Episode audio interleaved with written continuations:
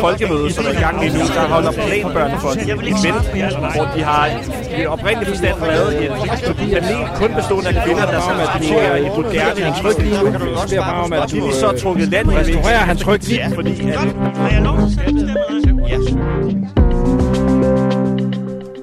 Ja, godmorgen og velkommen til en uafhængig morgen her på Frihedsbrevet. En dag, hvor vi sidder i København, men alle andre de er på Bornholm. Men øh, til gengæld, så nu siger jeg nemlig vi, for jeg sidder her jo ikke bare selv dig, der er med på kameraet. Du kan da godt se, at der sidder der en ubegribelig flot fyr ved min side. Og øh, hvem er du, Tobias? Godmorgen. Jamen, øh, godmorgen Christian. Jeg hedder Tobias Juhl, Ja, og er jo også øh, journalist på en uafhængig morgen. Og i dag Gud, er jeg så øh, værtsvikar, og det er simpelthen bare en stor fornøjelse. ja og øh, mange tak, fordi du vil være her, og øh, velkommen til.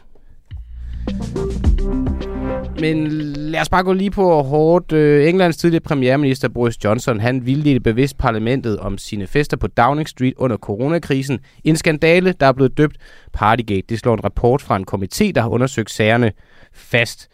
Jakob Illeborg, du er international korrespondent. Godmorgen. Godmorgen.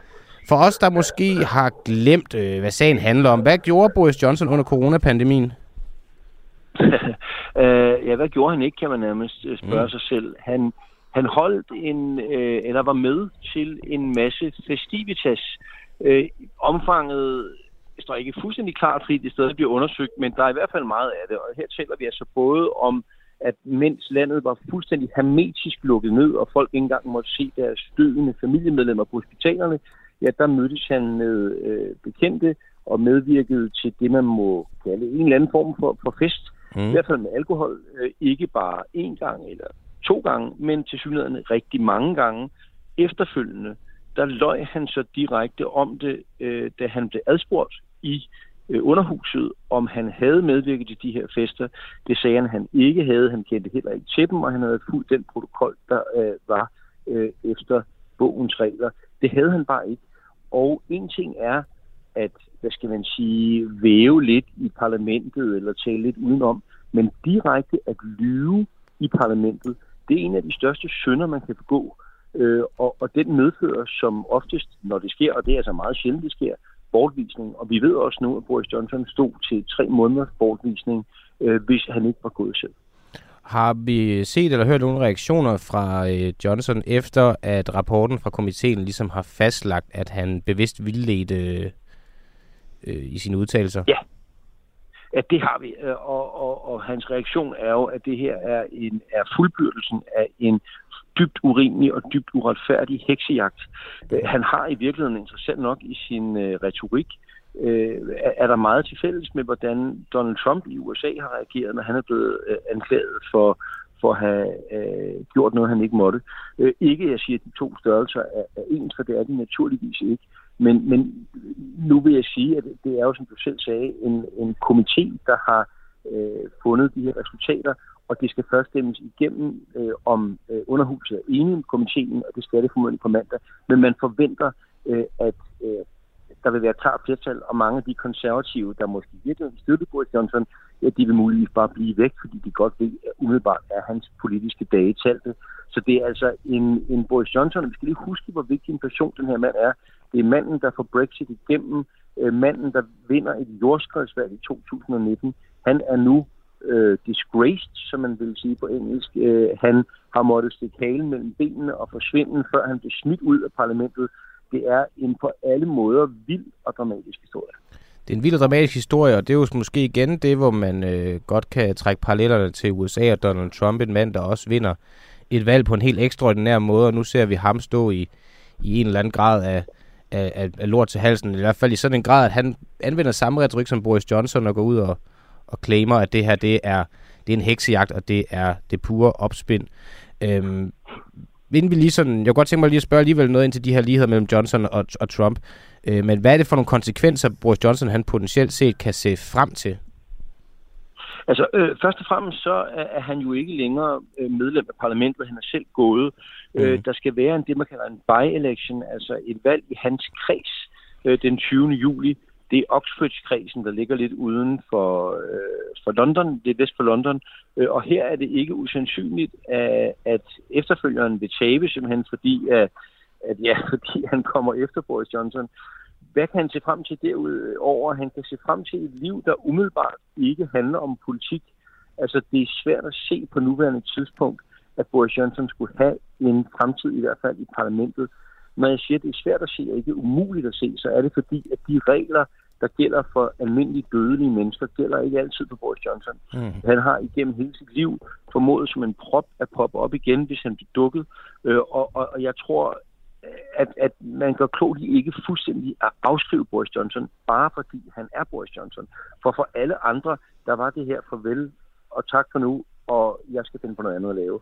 Fordi det er, øh, du ved, forsiderne af stort set alle engelske aviser, de har sådan noget, altså løgner, øh, nogle gange også løgner, løgner, løgner på forsiden, øh, og, og så øh, eksempler på, øh, hvordan han har misledt øh, parlamentet. Så, så det er øh, altså det er uden fortilfælde, øh, og øh, tiden fra, fra 2016 og Brexit og op til i dag, som jo på en eller anden måde har handlet utrolig meget om Boris Johnson. Det bliver interessant at se den behandlet af britiske historikere, fordi han har jo simpelthen vel, vel, øh, vendt landet på hovedet på mange måder, og, og landets retning fremover på hovedet, og, og konsekvenserne for hans eget land er, er, er, voldsomme, og nu er konsekvenserne for ham selv altså også ganske markante. Når man sådan øh, ser øh, mediebilledet og, og ser sådan den folkelige opbakning og, og også modstand, der så er for henholdsvis Donald Trump og, og Boris Johnson. Du, du, du laver selv parallellen her med, at der er noget i retorikken, ja. der minder om hinanden, selvom sagerne i den grad adskiller sig. Udefra set øh, for mig, så har øh, Donald Trump, trods sagens karakter og alvor, stadig en markant større folkelig opbakning, trods øh, de sager, der falder mod ham, end Boris Johnson har.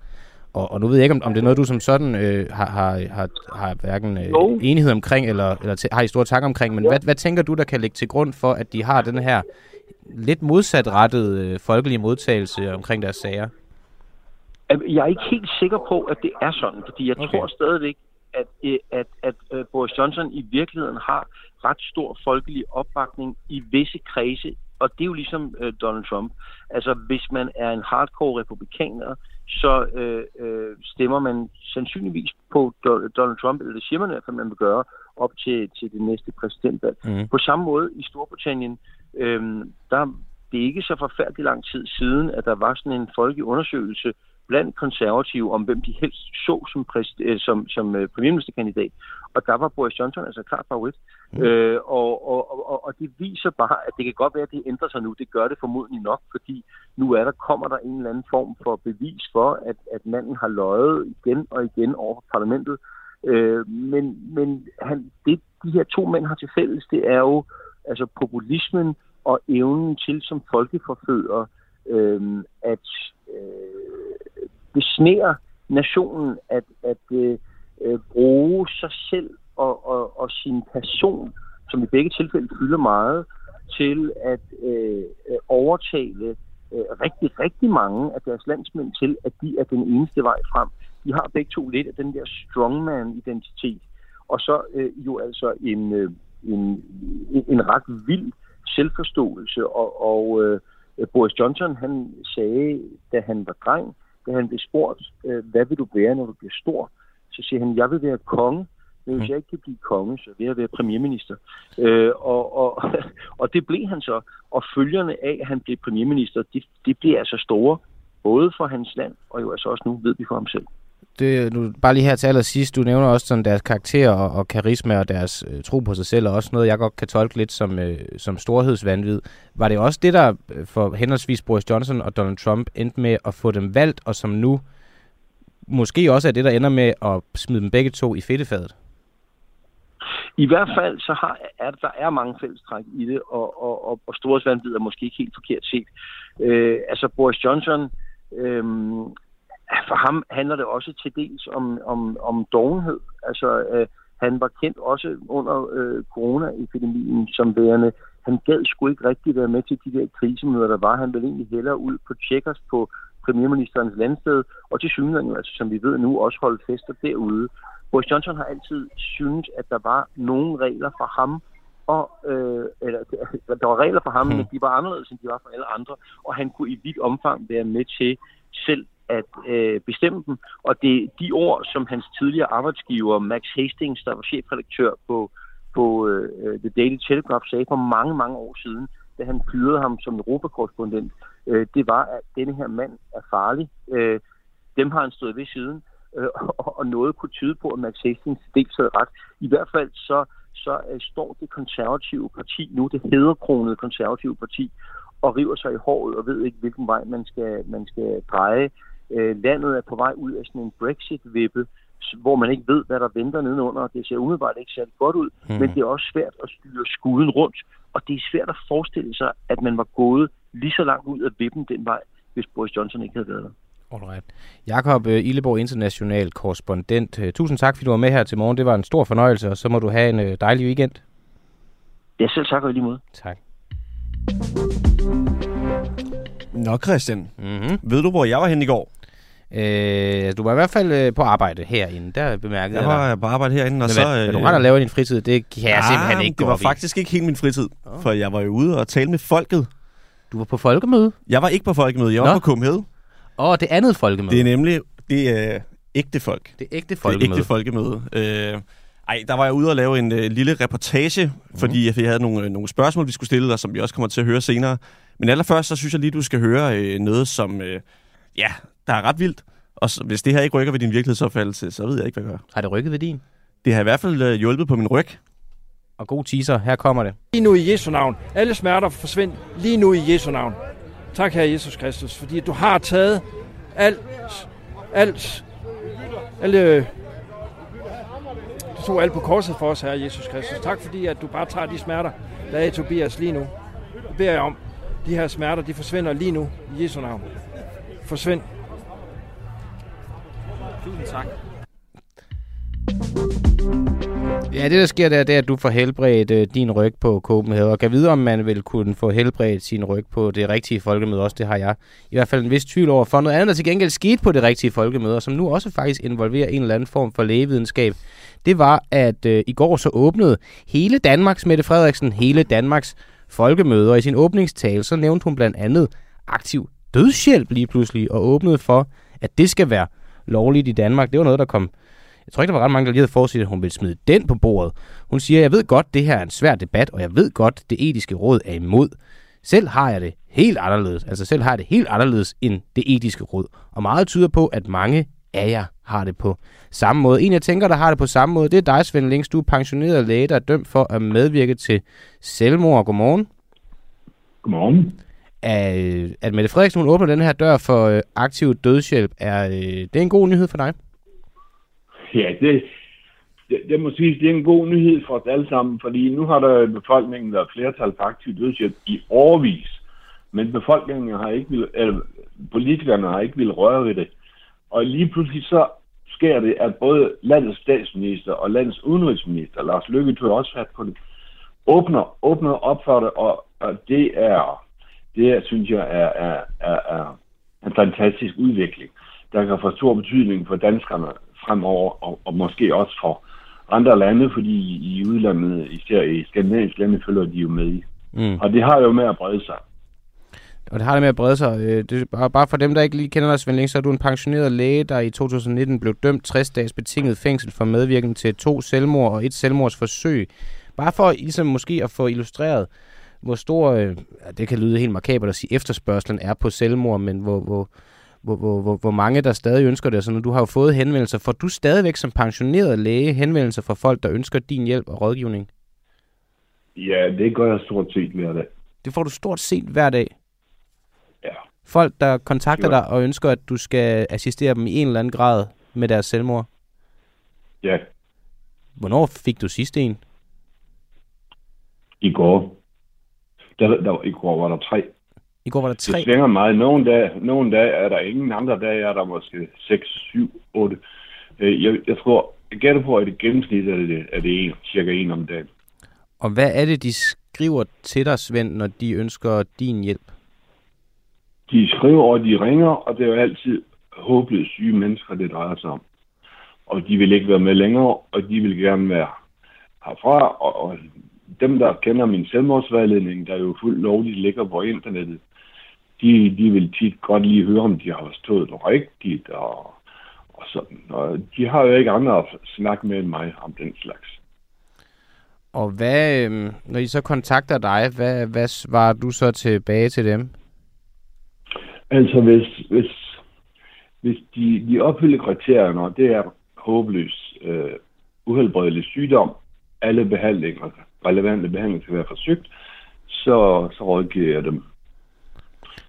Er Og det... det, Ja, undskyld. ja, det, det er simpelthen ikke så svært. Jeg, jeg fortæller dem det, der står i min selvmordsvejledning, hvis de ikke selv har, har overblik over det. Og nu var det ikke, fordi det var som sådan, det interview her, det skulle handle om. Nu bliver jeg bare nysgerrig på, med den rådgivning og vejledning, det lyder til, at du fortsat giver. Risikerer du så at blive dømt endnu en gang for at medvirke til selvmord, så længe at det ikke er blevet lovliggjort, som Mette Frederiksen lige nu øh, ligger op Ja, til? det gør det. Der, her den 28. juni, der er der, der er en ny øh, retssag i Svendborg. Og der er lige rejst en ny, endnu en sigtelse. Der er lige rejst endnu en sigtelse. Hvorfor, ja. Ja. hvorfor bliver du, altså, jeg- og nu er det også derfor, vi snakker med dig, Svend, fordi vi ved, du er en af dem, der, der synes, det her det er vigtigt. Du synes, aktiv dødshjælp er vigtigt, og at folk skal assisteres i at komme herfra er vigtigt. Men, men du bliver ved, selvom det er ulovligt, som det er lige nu. Jamen, Hvad er det, der får dig til at blive ved? Altså, det, er. Det skyldes en gammel lovparagraf fra, fra 1867, øh, straffelovens paragraf 240. Den er fra H.C. Andersens tid. Dengang kunne man også blive halshugget. Og, og, og folk, patienterne, betyder mere for mig end, end en forældet straffelovsparagraf. Så jeg så hjælper selvfølgelig de folk, der beder mig om det. Men er det, altså, nu er det jo så stadig ikke blevet lovliggjort, selvom Mette Frederiksen hun står på til folk, øh, folkemødets talerstol og, og, og proklamerer hendes holdninger herfor. Men, men er du, Svend Links, er du hævet over loven? Nej, men du kan jo spørge patienterne om, hvad de synes. Mm. Det er dem, der beder om hjælp. Og øh, politikerne har, har jo blæst befolkningsflertallet et stykke i overvis. Jeg har en stor befolkningsmajoritet bag mig. Det får jeg igen og igen at vide, og det viser opinionsundersøgelserne. Så det, jeg gør, det er i virkeligheden demokratisk. Hvorimod det, at politikerne ikke vil gøre noget ved sagen, det, det hvad hvad skal man kalde det? kan man kalde oligarki. Fordi det er jo kun den lille gruppe af politikere, der, der, der, der beslutter ikke at vil have med det at gøre. Men bare lige igen, du siger, at du ikke er hævet over loven, alligevel så trodser du loven og vejleder folk i, hvordan man begår selvmord. Du kan jo ikke garantere, at dem, du vejleder i at begå selvmord, så frem at de ikke ender med at lykkes med det, kunne have ønsket omvendt, altså at de kunne have fortrudt. Er det noget, der du overhovedet fylder for dig? Ja da. Men selvbestemmelse er en fastslået menneskeret. Selvmord er også en fastslået menneskeret. Det fastslog menneskerettighedsdomstolen i 2011. Det eneste, jeg gør, er at hjælpe folk til at få deres rettigheder, menneskerettigheder på en human måde. Vil det i så fald æve dig, for det er jo så det flere politiske kommentatorer, de er ude at sige lige nu, og kalde det her fra Mette Frederiksen, de kalder det for et bluffnummer for politisk spin. Det er en måde at prøve at lave en politisk manøvre, således at befolkningen ligesom retter fokus væk fra den sådan genoptagede interesse, der er for hendes øh, slettede sms'er og den mulige genskabelse af dem. Vil du blive ked af, hvis du finder ud af om en måned eller om to måneder, at det her det bare var spin og en måde at aflede folks opmærksomhed? Ja, selvfølgelig vil jeg det. Men under alle omstændigheder, så har det nu været op at vende. Landets statsminister har taget sagen fat på sagen. Landets udenrigsminister har taget fat på sagen. Det tror jeg ikke på, det er spændende. Hvorfor skulle Lars Løkke deltage i Mette Frederiksens spændende? Der er ingen som helst grund til. Nej, jeg tror, det er noget, der, der vil føre, der flytter nogle tilfælde. Så lad os lege med tanken om, at det faktisk bliver lovliggjort, og at, øh, at øh, aktiv dødshjælp og assisteret selvmord, det vil være en mulighed. Vil du så... Øh, altså, så tænker jeg bare, at du har modtaget domme for at gøre det her. Du har, det har været ulovligt de gange, der du har gjort det. Vil du så æve dig over, at øh, du har øh, skulle gøre noget, der var ulovligt på det tidspunkt, hvor du gjorde det, men nu indser politikerne så, at det faktisk bør være lovligt? Overhovedet ikke. Jeg er glad for, jeg ved, at jeg har hjulpet mange mennesker. Jeg ved, at jeg har været med til at mindske mængden af lidelse på denne jord. Og det er nok for mig. Okay. Svend Links, øh, du er pensioneret læge og dømt for at medvirke til selvmord. Tak fordi, at du var med her til morgen, og så må du have en god weekend. I måde.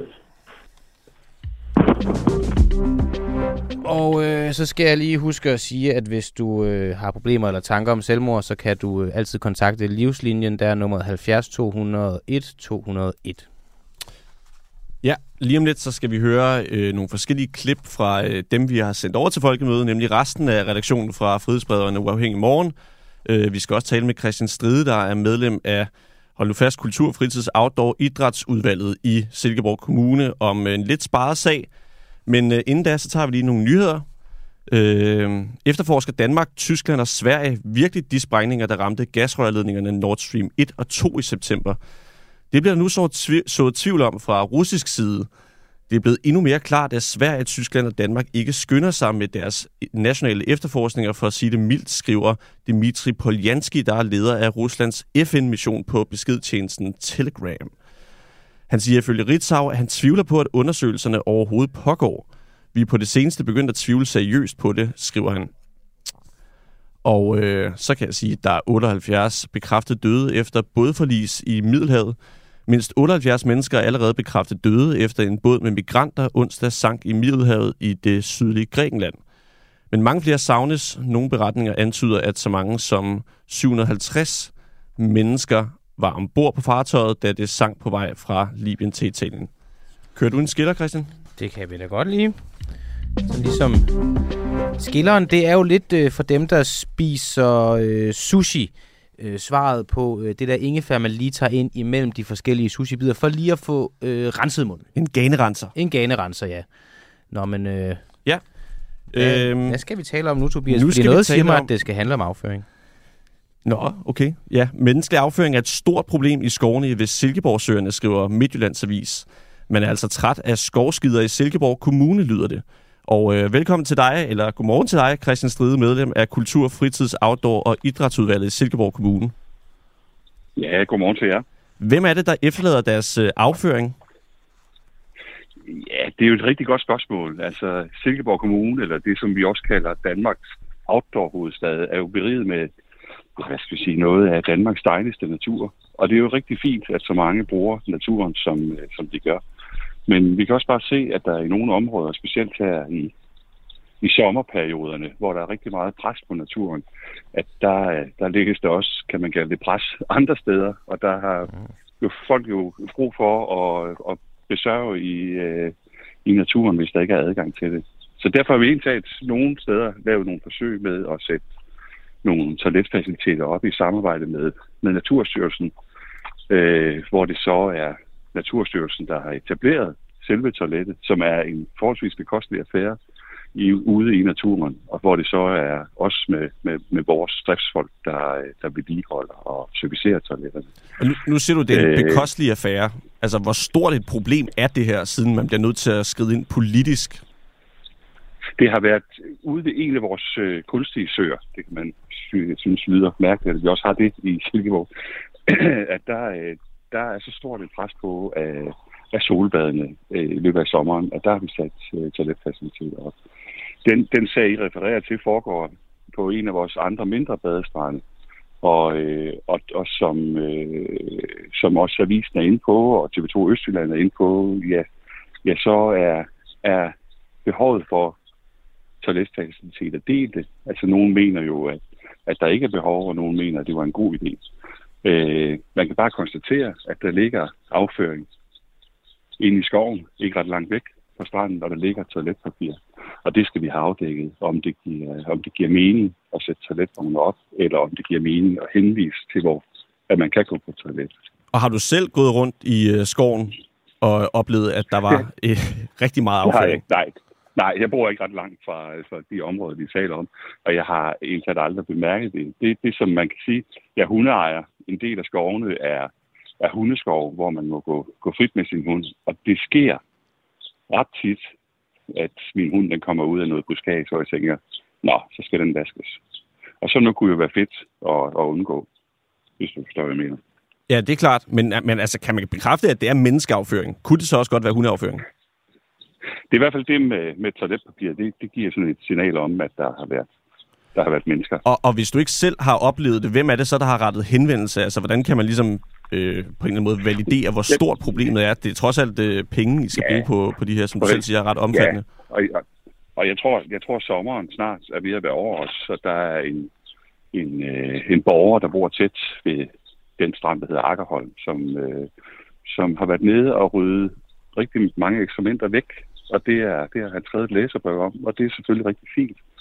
Øh, og nu skal vi have afdækket, om behovet er så stort, som det er beskrevet ud fra det læserbrev, som jeg tænker har sat, sat den her sag i gang. Og det skal vi, vi skal selvfølgelig vi, vi, skal gå på to, vi skal gå på to ben, fordi det er rigtig fedt at få så mange ud i naturen som overhovedet muligt. Men naturen er også sådan en, en, en sårbar plante, at stiller vi faciliteter ud i naturen, ja, så kommer der alt andet lige mange flere ud i naturen, hvilket jo øh, vil, vil skabe et, et ret stort slid. Og vi har et stort slid på skovene omkring Silkeborgsøerne. Så, så den der jeg vil ikke tage stilling til lige nu, om, om et toilet er, er den rigtige løsning, men, men øh, øh der bliver efterspurgt flere og flere faciliteter omkring vores, øh, vores søer.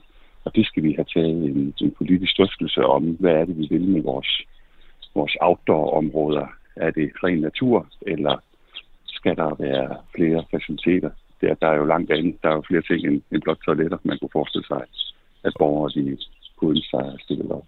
Okay, men det er altså en, en beretning og en lov, eller det er jo ikke en lov, men det er sådan en beslutning, I træffer nu på baggrund af et læserbrev, øh, en borger, Nej, der bor tæt på? Det, det, det, er jo, det, er jo, ja, det er jo en sag, der er opstået i, i pressen, og den skal vi selvfølgelig forholde os til. Det er ikke, øh, det er ikke uvandt for os at stille toiletter op, øh, hvor der er hvor der opstår behov i løbet af sommeren. Sidste år der stillede vi toiletter op på en skatepark, vi havde, fordi at naboerne var var, for, var, var, var øh, forstyrret af unge, der der er blevet nødt til at, at tisse i deres haver, og så stiller vi en toiletvogn og, op. Og, og har I så... Øh, her. Ja, undskyld. Har I regnet på, hvad det skal koste? Nej, det har vi ikke. Øh, vi kan se, at drifte et toilet, det koster omkring 50.000, som jeg er orienteret om det. Mm. Og det er jo driften af det. Øh, og øh, så er det selve etableringen. Og det er jo lidt afhængigt af, hvad man må. Altså de, de områder ude i skoven, som vi stiller op på, det er jo ikke kommunens områder. Det er jo Skov- og Naturstyrelsen, der, øh, der ejer de områder. Og det er, jo, det er jo ligesom dem, der skal være med i dialog sammen med os til at finde ud af, hvordan kan vi gøre det her i fællesskab. Må, må jeg bare lige, øh, jeg byder lige ind, Christian, uh, undskyld, det lyder som, du er ude i naturen lige nu, er det rigtigt? Jeg står ude i min have, fordi min familie er ved at gøre klar oh, til at komme okay. afsted. Fordi hvis du var ude så, i skoven, så vil jeg spørge, om du, du måske lige kunne prøve, om du kunne finde noget, noget afføring. ja, okay, men det... nu går jeg i min have, så det kan jeg godt, men det er fra min hund. Okay, okay. Nå, ja, det må vi i hvert fald gå ud fra, at der ikke er nogen, der har været inde i din have og, og lægge en lort. Det, det må vi se. Nej, lige præcis. Men Christian, øh, tak fordi du var med her til morgen i hvert fald, og så må du øh, have en øh, rigtig dejlig dag. Og lige måde til jer. Tak. Tak. Hej. Skal vi lige hurtigt øh, høre fra det der folkemøde, fordi Frihedsbredet har jo et væld af journalister afsted på folkemødet, og en af de journalister, der er afsted, det er faktisk en af, en af, en af, en af kendingerne her fra en, en uafhængig morgen. Du sagde kendinger, ikke? Jo, kendinger, ja. Han hedder Nikolaj Dandanel, og han, øh, han er jo vært her, og ham kender jeg godt. Men, øh, men han har også øh, skrevet en artikel her tidligere på ugen om Søren Pind, og den vil han egentlig gerne have, have en kommentar til. Og det kom der et, et, et, lidt, et lidt sådan anderledes. Det, der kom i hvert fald et interview ud af det, øh, hvis man kan kalde det det, og det, det kan I høre her. Han vil lige introducere det for jer først. I den her uge, der kan vi på Frihedsbrevet fortælle historien om, hvordan Søren Pind som formand for Medieansvarsudvalget får en hård kritik af nogle af de førende eksperter i landet for at omgå offentlighedsloven, og det vil vi rigtig gerne tale med ham om. Du svarer, at øh, du ikke har modtaget nogen hen. Ingen kommentar. Okay. Øh, jeg har ingen kommentar. Du er formand for et regeringsnedsat udvalg. Du vil da godt svare på et øh, opklarende, faktuelt spørgsmål. Hør nu her. Nu siger jeg det også til kameraet. Jeg vil ikke svare på jeres spørgsmål. Jeg vil ikke Hvorfor ikke det? Hvorfor ikke det? Der er et udvalgsarbejde i gang, og jeg vil ikke svare på det. Derfor kan du godt svare på et spørgsmål. Det bestemmer jeg vel selv. Ja. Godt. Du, du... Har jeg lov til selv at bestemme, eller ej? Ja. Godt. Så men, vi stopper her. Men vi må vel også gerne stille spørgsmål. Jamen, du, kan... du, du skriver, at du ikke har modtaget nogen henvendelser i kraft af dit virke som formand. Har du modtaget nogen henvendelser overhovedet? Jeg vil ikke svare på dine spørgsmål. Okay? Og det synes tak. du, hvad siger du til den kritik, der er i artiklen af de eksperter, som siger, at det ikke er i orden, den fremgangsmåde, du har valgt? Det må de jo om. De kan sige, hvad de vil. Jeg er ligeglad. Undskyld. Ja, vi har gjort et forsøg mere med Søren Pind. Sådan er vi gjort et forsøg mere med Søren Pind, og det var så det, det blev til. Men det var de svar, der man fik. Jamen, jeg, jeg, jeg må også bare lige sige, jeg kan også godt anbefale at gå ind og se de her videoer. De ligger jo som videoer ude oh, på ja. de forskellige sociale medier, i hvert fald på Twitter, ved jeg. Og, fed, og... og, og den her video med Søren Pind, er, er, der er et virkelig fedt øjeblik, hvor han, han simpelthen, altså som en, sådan, en ren entertainer, kigger ind i kameraet og siger, nu siger jeg det bare lige til kameraet for en god, øh, god ordens skyld. Jeg gider ikke svare på jeres spørgsmål. Mm. Han har begge ja. øjne, eller øjet, han er, øh, det skal man ikke gå så meget oh, med, men, men han er det rettet ind mod, oh, ind mod kameraet. Der er, øh, der er lige et kort bold mere, vi ja, lige skal høre, han har, han, har, han har haft travlt, Nikolaj den dernede jo. Øh, oh, ja. så, øh, så skulle han også ud og finde Ane Halsbo. Øh, og det var om den her sag, som vi jo ret for nyligt har forsøgt at få svar på. Øh, den PTSD-ramte øh, person, som der er blevet nægtet øh, førtidspension i mange år og blev tvunget i arbejdsprøvning, selvom hun ellers øh, af øh, psykiater havde fået at vide, at hun var for syg, at det simpelthen ville forværre hendes, øh, hendes tilstand, hendes helbred, hvis hun skulle tvinges i arbejdsprøvning. Og øh, længe har vi for, forsøgt at få Hanne Halsbro Jørgensen til at svare på, om hun mener, det er et værdigt system, der behandler borgere på den måde. Det forsøgte vi at få svar på i går, da Nikolaj fandt hende på folkemødet. Og her var, hvad beskæftigelsesministeren havde at sige.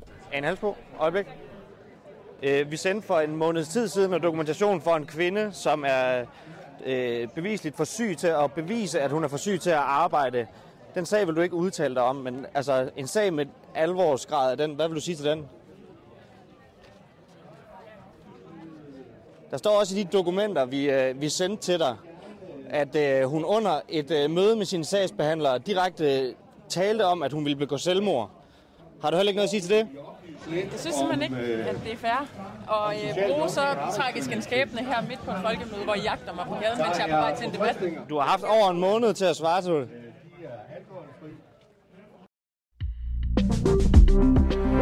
Ja, der var ikke nogen svar, der kom ud af det. Skal vi bare lige hurtigt tage et par lytter og kommentarer, der er kommet ind. Henrik Blikker Christensen, han skriver, så må det være hundenes tur til at samle op efter menneskerne. Det er en henvisning til interviewet med Christian Stride om problemer med menneskeafføring i skovene. Og så skriver Tim øh, Olsen om afføring ikke er gødning, og det har han jo sådan set en pointe i. Så måske er det i virkeligheden bare nogle meget frodige skove, vi, vi kommer til at, at, at, at se her. Øh, der var også en kommentar tidligere, også godt lige ved ind på, øh, det er Monty Demut... Hmm, Monty de Demuta, hmm, Monty Demutafukas. Og det er sikkert ikke rigtigt udtalt, Monty, og det beklager jeg. Men du kalder folkemødet for hele Danmarks spinmøder. Det er jo også det, der er mange, der siger, om det overhovedet er et møde for folket, eller om det bare er et møde for politikere og journalister til at feste og holde en sommerferie, de kan få til at ligne noget arbejde. Ja, det er jo nu, vi er jo ikke afsted. Og det har vi simpelthen valgt, at øh, vi går sgu på det, det rigtige arbejde. Og det har vores journalister på Frihedsbredet så også valgt. De render rent faktisk rundt og, og jagter politikerne og prøver at få svar på alle de spørgsmål, det ellers normalvis ikke gider at besvare. Skal vi lige hurtigt vende på en kort nyhed, der er tikket ind her øh, til morgen, Tobias. Øh, jeg tænker nemlig på øh, nyheden om, at øh, den finske regering er blevet dannet. Og øh, det er jo måske en nyhed, man tænker for os her i Danmark, at det er så vigtigt, men jeg synes altid, det er spændende med, med, med regeringerne i de andre lande, fordi det er jo trods alt dem, vi skal arbejde sammen med. Lederen for det finske samlingspartiet, Petteri Orpo, har her til aften meddelt, at der er enighed om at danne en koalitionsregering. Ifølge det finske public service medie YLE, eller YLE, har regeringsprogrammet efter flere ugers forhandling nu ligget klar. Regeringsforhandlingerne de har været i gang siden den 2. maj, og Samlingspartiet har forhandlet med partierne De Sande Finder, Svensk Folkeparti og Kristendemokraterne. Og øh, Oppo fortæller, at den nye finske regering vil blive præsenteret her fredag eftermiddag. Ja, og det er jo altid sådan, når vi skal lege en kilde op i de her folkemødedage, øh, så kan det nogle gange være lidt svært, fordi øh, de politikere, vi gerne vil tale med, det er jo dem, som de render rundt og jagter derovre, som ikke vil stille op øh, til, til interviews. Og det betyder også, at det er meget svært at lave øh, interviewaftaler her om morgenen. Øh, men en af dem, som ikke er på folkemødet, det er dig, Jens Christian Lytten, Københavns beskæftigelsesborgmester. Godmorgen.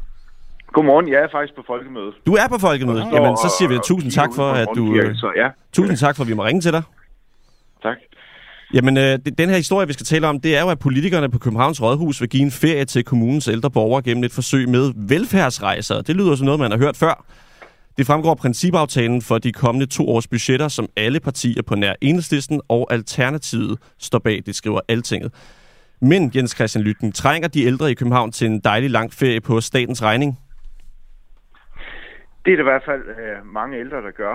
Øh, og det vi øh, vil forsøge med det her, det er at se, kan vi spare nogle penge, øh, når vi sender ældre afsted øh, på, øh, på tur til Sydens Sol en eller to uger, ved at de ikke skal have mad i eget hjem. Øh, de skal heller ikke have hjemmepleje, i hvert fald dem, som får lettere hjemmepleje.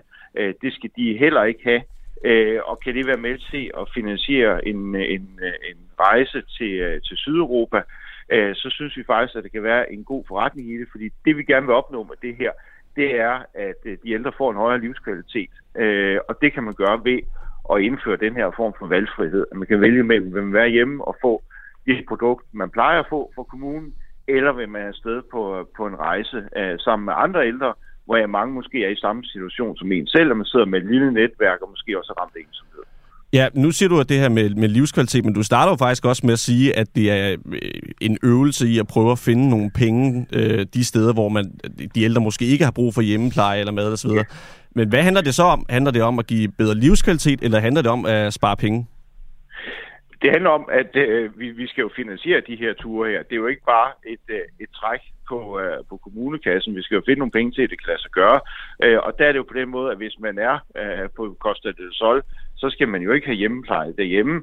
Man skal heller ikke have øh, mad leveret øh, fra kommunen. Øh, det er på det hotel, man er på i, øh, i Spanien. Så det kan jo være med til at finansiere det her. Og det er netop derfor, det er et pilotprojekt, fordi vi skal finde ud af, kan det her øh, lade sig gøre? Kan der være en god forretning i det? Vi er ret sikre på, at det giver rigtig godt, når det drejer sig omkring øh, livskvalitet og sundhed. Øh, men vi vil også gerne have, at det faktisk i, i høj grad kan være et spørgsmål omkring øh, valgfrihed, at det kan finansieres ved, at man så har færre træk på, på velfærden herhjemme, fordi at, at man er stedet en eller to uger om året som, som pensionist i, i København. Øh, og vi skal også se på, hvordan bliver man visiteret til det her, fordi det er ikke noget, vi som, som politikere har siddet og aftalt alle de her detaljer, men vi bliver enige om retningen, at vi gerne vil det her. Altså give den her mulighed til, til vores ældre, og vi er også enige om formålet, og det er en, en højere livskvalitet, en bedre sundhed hos vores ældre. Og, og nu siger du det her med valgfrihed, og det skal vi nok komme tilbage til, men bare lige ja. først og fremmest, hvem er det, der har bedt om det her? Altså nu siger du, at det vil øge livskvaliteten. Øh, hvordan ved man det? Altså er det ikke en meget subjektiv ting, om det vil øge livskvaliteten at komme til Costa del Sol?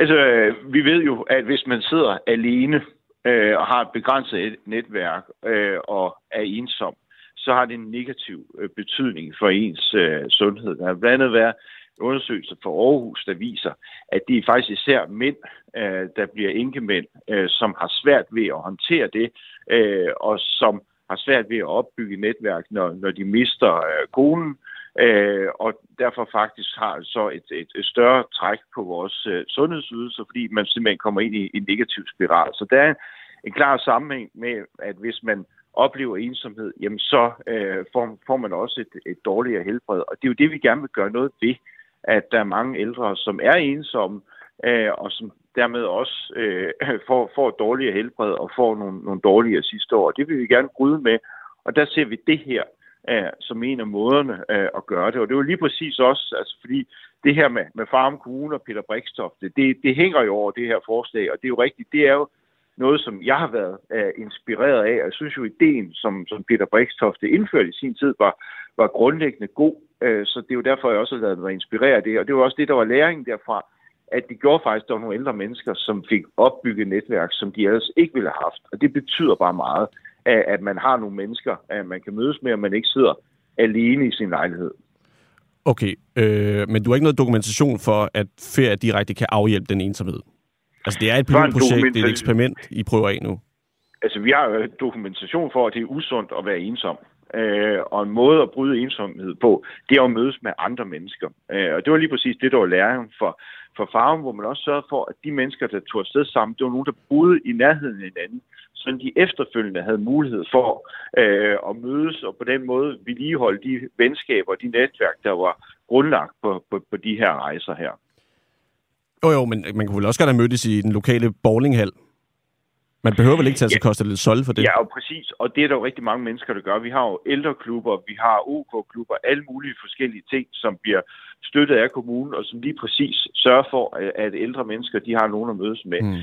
Øh, men det har jo også en, en betydning, at øh, man måske er afsted lidt længere tid. Der er også nogen, som ikke opsøger de her tilbud af forskellige årsager, også fordi det her med Øh, og at være ensom er jo også øh, tabubelagt. Der er mange mennesker, der har en stolthed, så det, det, det vil de ikke benytte den slags. Der kan være mange ting, mange årsager til, at, at man oplever øh, ensomhed. Og så gør vi jo også det her, fordi at, at det har jo en, en betydning for ens sundhed, at man øh, får noget sol, man, man oplever noget andet, man mødes med nogle mennesker lidt længere tid ad gang, end eksempelvis et besøg i, i en bowlinghal eller spille Okay, så det afhjælper ensomhed at komme ned og få noget sol, for eksempel. Altså, det er også en af de ting, Det gør, har ja, tænkt det gør det, hvis man, man gør det sammen med andre mennesker. Uh, hvis man gør det alene, så gør det jo ikke nødvendigvis. Men hvis det er sammen med andre mennesker, og der er et fællesskab om, for eksempel, at man uh, spiser sammen, uh, det er jo det, der mange ældre, ældre mennesker der siger, det, det, det der sådan set er værst, det er, at man sidder og spiser alene den ene dag uh, efter den anden. Og det gør man jo ikke, når man er afsted på tur uh, sammen med andre mennesker. Så sidder man jo også og spiser sammen og har det samme vejr, som, som mange mennesker uh, måske kan savne. Okay, og så lad os komme ind på nogle af tallene her. Øh, Ved I, hvor lang tid, ja. at øh, den her ferie skal vare? alle de her ting om, hvor skal det være hen til, hvor lang tid skal det vare, og sådan noget, det er jo ikke noget, vi øh, som, som politikere sidder og diskuterer i detaljer, når vi laver en politisk aftale om, at vi er nogle partier, som indgår budget de næste to år.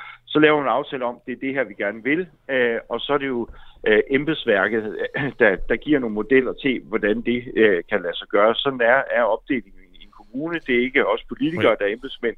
Det har vi Øh, det har vi embedsmænd. Men, så du kan ikke, som du kan ikke garantere, praktisk. om det bliver øh, Malmø eller Malaga? Garantere, at det bliver øh, til, til, til Sydeuropa. Det er det, vi er enige om, fordi det skal være et sted, hvor der er, øh, hvor der, er- der er sol, øh, og, og hvor det også er lidt længere væk end en tur til, til Malmø, som du lige præcis nævner, og det skal være øh, længere tid end bare lige en, en bustur til Malmø. Og hvad er det- længere det tid? Altså, de, hvis jeg tager på det ferie, så vil det være- en til to uger max. Ja, Altså, hvordan det sikrer man så, en- at en de... uger. Ja, en til to uger, siger du. Ja, Hvordan sikrer man så, at ensomheden er brudt efter ferien? Det kan man jo ikke sætte øh, to streger under, men man kan give folk muligheden for det. Øh, og i kraft af, at man er sammen med andre mennesker, så i hvert fald mens man er sted, øh, så har man jo samvær med andre. Om man så vælger at, at, at blive i de fællesskaber, når man kommer hjem, det er jo ikke noget, vi som kommune kan sikre, men vi kan jo give folk muligheden for det, og det er det, jeg synes, der er væsentligt, at man giver folk nogle flere muligheder, i stedet for at man har sådan et firkantet øh, kommunalt tilbud til vores ældre, så for os i Venstre, så er det vigtigt med, med mere valgfrihed øh, at sikre, at man, man kan vælge nogle, nogle andre ting, og vi kan øh, ligesom tilrettelægge vores øh, velfærdsting øh, tilbud på, på en anden måde. Og der synes vi det her med at sige, jamen kan man veksle nogle af de velfærdstilbud, man som ældre modtager, øh, til noget andet, øh, eksempelvis øh, rejse en til to uger sydpå, så synes vi, at, der, at der, der, der kan være nogle, nogle gode effekter af det, og det er det, vi prøver af med det her øh, pilotprojekt. Jamen, nogle af de ydelser, nogle af de velfærdsydelser, man i så fald øh, skulle veksle, det kunne jo så ja. Ja. for eksempel være en hjemmehjælper, der kom en gang om ugen, ja. Eller flere gange om Ja, ugen, ja, ja. og snakker med de ældre, og er der for Ja. dem. Altså initiativer, ja. der er mere vedvarende. Altså, ja. hvordan, det er ikke er, sådan- er det ikke det er ikke- bedre det er jo ikke- til at... Eller kan du komme i tanke om nogle initiativer, som vil have som kunne afhjælpe ensomhed, som havde været mere vedvarende end en ferie? Men, men det her, det er jo også vedvarende, fordi det er jo at give folk muligheden for, at man permanent kan bryde ensomheden, fordi man møder nogle mennesker, som man er sammen med en uge, som... Øh, Men det er jo stadig kun en uge. Ja, men så når man kommer hjem, så kender man jo øh, nogle flere mennesker, fordi man har været ude at rejse med dem.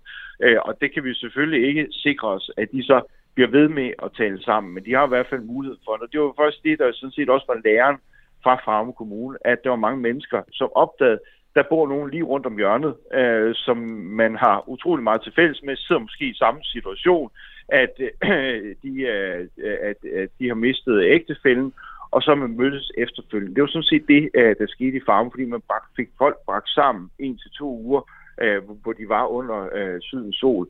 Og det synes jeg jo er, har meget større værdi, end man fra kommunen sender en hjemmehjælp ud øh, 20 minutter, som selvfølgelig taler med den ældre. Det, der betyder noget, det er jo, at man har et, øh, et fællesskab med nogen, som, som man har, har mødtes med og har mere øh, til, øh, til fælles med, end øh, at den eneste sådan øh, sociale samvær, man har, det er en hjemmehjælper, som, som kommer en gang imellem. Det er en anden form for fællesskab. Men det er jo en hjemmehjælper, som bliver der, altså som er der permanent det er jo ikke nødvendigvis den samme hjemmehjælper. Og det er jo heller ikke sådan, at de her øh, rejser skal betyde, at hvis man tager afsted to uger til Costa Sol, så kan man ikke længere få hjemmehjælp. Men der, hvor der er en mulighed for øh, at finansiere det her, det er jo, at mens man er afsted, så skal man ikke have øh, rengøring eller hjemmehjælp eller leveret mad fra, fra kommunen, og det er jo der, der er en mulighed for at finansiere noget af det her, give valgfrihed i forhold til, vil man det ene eller det andet. Og så er det jo også rigtigt, det er jo ikke alle, alle ældre, der kan det her. Altså mange af vores ældre, som sidder på plejehjemmene, de lider jo af demens, så de vil ikke være dem, der er målgruppen. Men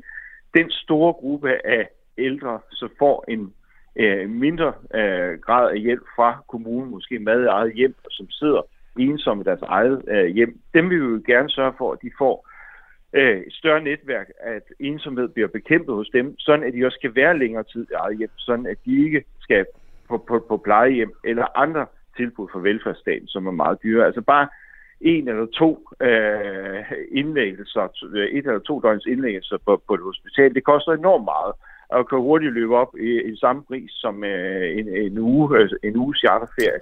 Så det er ikke meget, man, man skal spare før, at det er en god forretning for Okay, Danmark. ja. Og, og, ja. Jens Christian Lytning, undskyld, jeg afbryder, men nu siger du det her med, øh, hvem er målgruppen? Du siger, det er ikke, ja. det er ikke demensramte ældre på plejehjem, for eksempel. Men alligevel Nej, så er det det, det er ældre, som der, der, der eventuelt skulle have været på plejehjem, som man så kan undgå at sende på plejehjem ved at sende på en velfærdsrejse. det, det, jo- Hvordan, det hvordan ud- fungerer den udvælgelsesproces? Hvordan, hvem- hvem skal, hvordan beslutter man, hvem der skal til Malaga, og hvem der ikke skal? Det er jo lige præcis det, at vi skal finde ud af med det her pilotprojekt, hvordan øh, øh, visiterer man øh, de ældre til det her. Øh, og det er jo ikke mig som politiker, der laver sådan en visitationsproces til det. Det har vi jo et embedsværk til. Der kommer modeller til, hvordan kan det her lade sig gøre. Alle de her praktiske ting, som du og andre spørger ind til med, med, med stor interesse, det er jo ikke os som, som politikere, der lige præcis tilrettelægger det. Men vi har det ønske øh, som, som politikere og øh, bag den her aftale, at vi gerne vil, vil prøve det her af, give øh, de ældre en større grad af, af valgfrihed. Og så kommer nogle modeller til, hvordan, hvordan kan, man- kan man gøre det her? Hvem er det lige præcis, der, der skal visiteres til det? Hvor meget øh, hjælp øh, kan, man, kan man få i eget hjem, øh, hjem i forhold til, har man så også mulighed for øh, at tage med på sådan en rejse og sådan noget? Og der sidder jo mennesker, som har enormt meget viden omkring det i Københavns Kommune, som hjælper os med at, at, at strikke det sammen. Fordi jeg har jo ikke som politiker en faglighed inden for, for det her område, men jeg har jo nogle ønsker til, hvordan jeg gerne vil have, at man har mere valgfrihed og, og hvilke muligheder vi, vi giver vores ældre. Og så er der nogle andre folk, der ved mere om de praktiske detaljer, der, der kommer forslagen til, hvordan kan det lade sig gøre, hvordan kan vi lykkes mm. med det, vi gerne vil som politikere. Ja, Jens Christian Lytken, det bliver rigtig spændende at følge med i. Du er Københavns ja. Beskæftigelsesborgmester. Øh, du skal have tak, fordi vi måtte ringe dig op her til morgen, og så Ja. må du have et godt folkemøde. Ja, tak for det. Hej. Hej. Den socialdemokratiske folketingspolitiker Ida Augen har ifølge flere eksperter benyttet sig af en ulovlig skattefinte og fået overført penge til sin støtteforening uden at betale skat. Alt sammen for at have flere penge at føre kampagne for. Nu har hun så godt nok øh, bet- tilbagebetalt penge og øh, har tidligere lovet, at hun vil undersøge sagen. Men spørgsmålet er så, om hun har undersøgt sagen, og om hun i øh, det tilfælde, at den er blevet undersøgt, og hun så har fundet ud af, at hun har brudt loven, vil erkende, at hun har brudt skattelovgivningen. Og det var altid det sjove, når politikere de har lavet fejl, men de så også vil erkende deres fejl. Og erkende i det her tilfælde, at hun direkte har brudt loven. Det spurgte øh, vores øh, journalist her på Frihedsbredet, Mathias Bledel, Ida Augen om i går på folkemødet. Det lød sådan her. Ida Augen, har du tid til et par spørgsmål? Det har jeg ikke. Okay. For jeg, jeg, jeg, følger lige med mig. Jeg skal lige høre, det er fordi, øh, kan du huske, du sagde, at du ville få en skatteadvokat til at undersøge din skatteform? Okay, men øh, hvad med den her forening, du har? Der sagde du 23. februar, at du kigger på det. Har du fået øh, kigget på det? Ja, selvfølgelig har jeg det. Hvad, hvad, hvad har du fundet ud af? Det er helt ærligt vedkommende ikke. Nej, men det, Det vedkommer ikke. Men du er jo folkevalgt, der samler penge ind til dine valgkampe. Hvorfor? Eller ikke i dag. Det vedkommer ikke dig som journalist, der repræsenterer befolkningen og befolkningsinteresser, hvorvidt jeg har undersøgt, om jeg har brudt loven, eller ej, det er mere eller mindre det, der bliver sagt i det her. Igen skal man kalde det interview med Ida Augen. Jeg fik øh, et øh, rigtigt interview i går. Oh. Og det får man nemlig, når man øh, bliver væk fra folkemødet og tager til Copenhagen i stedet for. Så kan jeg godt love dig for, at folk de er klar til at tale. Og et af de spørgsmål, som øh, jeg stillede i går, mm. det var, om øh, kvinder godt kan lave et ligestillingsmanifest uden at høre mænds holdning. Oh. Og konteksten for det, det tror jeg måske også, jeg forklarer i båndet, bare lynhurtigt, det var, at Planbørnefonden har et event på Folkemødet, hvor de har tænkt sig at skulle øh, invitere øh, fem stærke kvinder til at diskutere, hvad den moderne ligestilling skal gå ud på. Og det var der sådan, der blev sure over, fordi der var jo ikke nogen mænd med. Øh, og det fik den så til at øh, revidere det her panel og skifte nogen ud og få nogle flere mænd med. Men øh, Ja, de lagde sig faktisk fladt ned, og vi Ja, lavede også et interview med, øh, med, med, hvad det hun hedder, øh, Dorte Petersen, der er administrerende direktør i Plan Børnefonden, der siger, at det er helt rigtigt, det kunne de her kvinder ikke selv. Kvinderne kan ikke selv lave et ligestillingsmanifest, vi har brug for nogle mænd. Ja, og det virker jo på en eller anden måde en lille smule underligt. I hvert Så fald, det var, i øh, første omgang tænkte, de godt kunne. Ja. Men Ja. der mener vi jo så bare, at kvinder måske godt kan lave et ligestillingsmanifest. Ja, eller det var i hvert fald det, vi gerne ville øh, høre Ja. folket om. Og derfor så var du på øh, det andet folkemøde, også kendt som Copenhagen i går, for at spørge Lige præcis. kvinder. Roll that tape. Hvis I skulle lave et ligestillingsmanifest, ville I så kunne gøre det uden at høre mænds holdninger til det? Mm, nej, det tror jeg ikke. Jeg, det, det ved jeg ikke. Altså, nu stiller du mig et spørgsmål sådan lige... Det er jo et dybt spørgsmål. Det kommer an på, hvad det er. Altså, det, det ved jeg ikke. Konteksten for det, det er, at over på Folkemødet, som er i gang lige nu, der holder Planbørnefonden et event, hvor de har i oprindelig forstand lavet et panel kun bestående af kvinder, der skal diskutere et moderne ligestillingsmanifest. Og det er de så trukket land i igen efter kritik, fordi at der er nogen, der siger, at det kan de ikke lave, uden mænd deltager i det. Hvad, hvad tænker du om det? Nej, selvfølgelig skal der også nogle mænd med. Det hedder ligestilling, men for mig handler det også om, at det er en modreaktion. I mange år har der jo mænd, der har dikteret, hvad kvinder skulle. Altså let's be honest, det er jo det, der har været. De har jo styret det hele. Så jeg kan godt forstå, at de siger, at nu er det fandme os. Men selvfølgelig, hvis vi skal lande ligestilling på et eller andet tidspunkt, og vi er jo på vej derhen, altså med at når bare barslen kan jo gøre rigtig meget, at vi på en eller anden måde ender med, at vi alle sammen får lige løn. Altså, fordi lige nu er det jo klart, at jeg er lavere stillet, for hvis jeg skal føde et barn, så er det jo ikke mig, der er attraktiv på arbejdsmarkedet. Men jeg kan blive mere attraktiv, fordi at min mand også kan komme til at skulle tage noget barsel. Og på et eller andet tidspunkt håber jeg da, at den bliver lige. Det er den jo ikke nu, men vi er på rette spor. Altså. Så nej, helt, hvis det skal være sådan helt øh, optimalt, så synes jeg jo selvfølgelig skal der være mænd med i debatten. Men lige nu er vi bare ikke nået dertil, så jeg kan godt forstå, at kvinderne siger lige. Hvorfor er vi ikke nået dertil endnu? Ja, men det kan jeg ikke svare dig på. Det er jo stadig mandsdomineret samfund, det hele. Og det tror jeg, altså så bliver det dybt, men det har også noget med religion at gøre. Det har været mange ting. Altså, og kristendommen er jo også meget mere mandsdominerende, end den er kvindedomineret. Og det er jo helt det, vores samfund er bundet op på. Så lige nu er vi der ikke. Vi har lang vej nu. Vil det være umuligt at gøre det uden mænds holdning? Øh, altså, det vil ikke være, altså, det vil være muligt, ja. Hvorfor? Fordi ligestilling handler om alle køn. Øh, Hvad vil det vigtigste punkt for dig være? Der er ikke lige rettigheder til sådan, ja, menneskerettigheder. Lige menneskerettigheder. Hvis I skulle lave et ligestillingsmanifest, ville det så være umuligt at gøre, uden at høre mænds holdning til det? Nej, Hvorfor ikke? fordi mænds stemme er da lige så vigtig. Hvis vi skal have ligestilling, så gælder ligestilling der også for mænd. Men har mænd ikke altid haft en øh, for stor en stemme i ligestillingsdebatten? Det er da ikke ens betydende med, at de ikke skal have lov til at sige noget alligevel. Kvinder skal bare have lov til at sige lige så meget. Så hvis der var et, et panel af fire mennesker, så ville der være to mænd, to kvinder? Ej, det ved jeg ikke. Det kan jeg ikke svare på. Jeg vil kun høre deres holdning, hvis de er enige med os. Hvad er din holdning så? Hvad skulle der stå i dit manifest? Øh, at mændene skal være enige med os. Hvis du skulle lave et ligestillingsmanifest, ville du så kunne gøre det uden at høre mænds holdning til det? Ja, det kunne jeg godt. Øh, jeg, jeg ved ikke, hvordan jeg ellers skal forklare det. At, øh, det vil jeg godt kunne, men så vil jeg jo også som sagt kun tage udgangspunkt i mine egne holdninger. Ikke? Men jeg ved så ikke, om det er en 50-50 gråzone, når man så skulle have deres med. Men det vil jeg ikke. Du ville simpelthen øh, fravælge mænds holdninger til ligestillingsmanifestet. Se, nu er det jo gråzone. Det ved jeg ikke. Jeg vil sige 70-30 procent, hvis man kan svare det sådan. Der er jo ingen mænd og kvinder og andre, der er ens i deres tankegang. Du kan jo også møde en mand, der er bravende i feminister. Du kan også møde en mand, der ikke er altså anti... Ikke? Altså, og det er jo det. Altså, jeg ser, jeg ser det måske som en gråzone, så. Der findes jo også kvinder, der ikke går... Der er gammeldags tankegang, ikke? Og der findes jo også mænd, der er moderne i deres tanke. Hvis I skulle lave et ligestillingsmanifest, ville I så kunne gøre det uden at høre mænds holdninger til det? Mm, nej, det tror jeg ikke. Jeg, det, det ved jeg ikke. Altså, nu stiller du mig et spørgsmål sådan lige... Det er jo et dybt spørgsmål. Ja, og øh, nu skal vi øh, lige tjekke øh, ind på folkemødet her, øh, måske en sidste gang under den her udsendelse, fordi at øh, de har virkelig været produktive i går og rent politikerne godt i hele, hælene.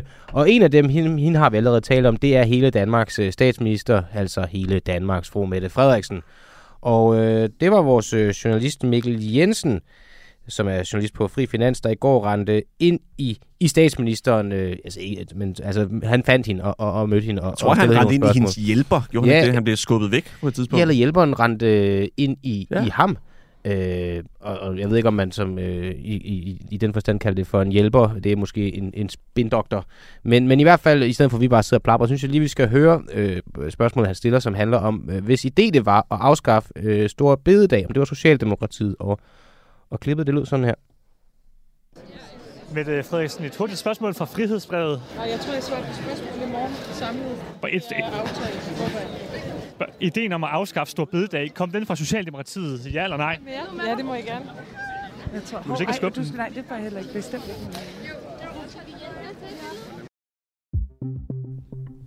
Og det var alt, hvad vi nåede for i dag.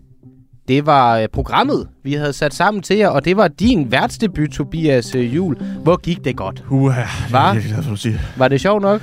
Ja, det synes jeg. Det synes jeg faktisk, det var. Så det kan være, at vi ser dig i, i værtsstolen endnu en gang, inden vi Ja, jo lukker og slukker den 30. juni, sidste udsendelse. Ja. Tobias Brun sad i regien, Peter Svart har sammensat hele skidtet med sine små God weekend. babyfingre.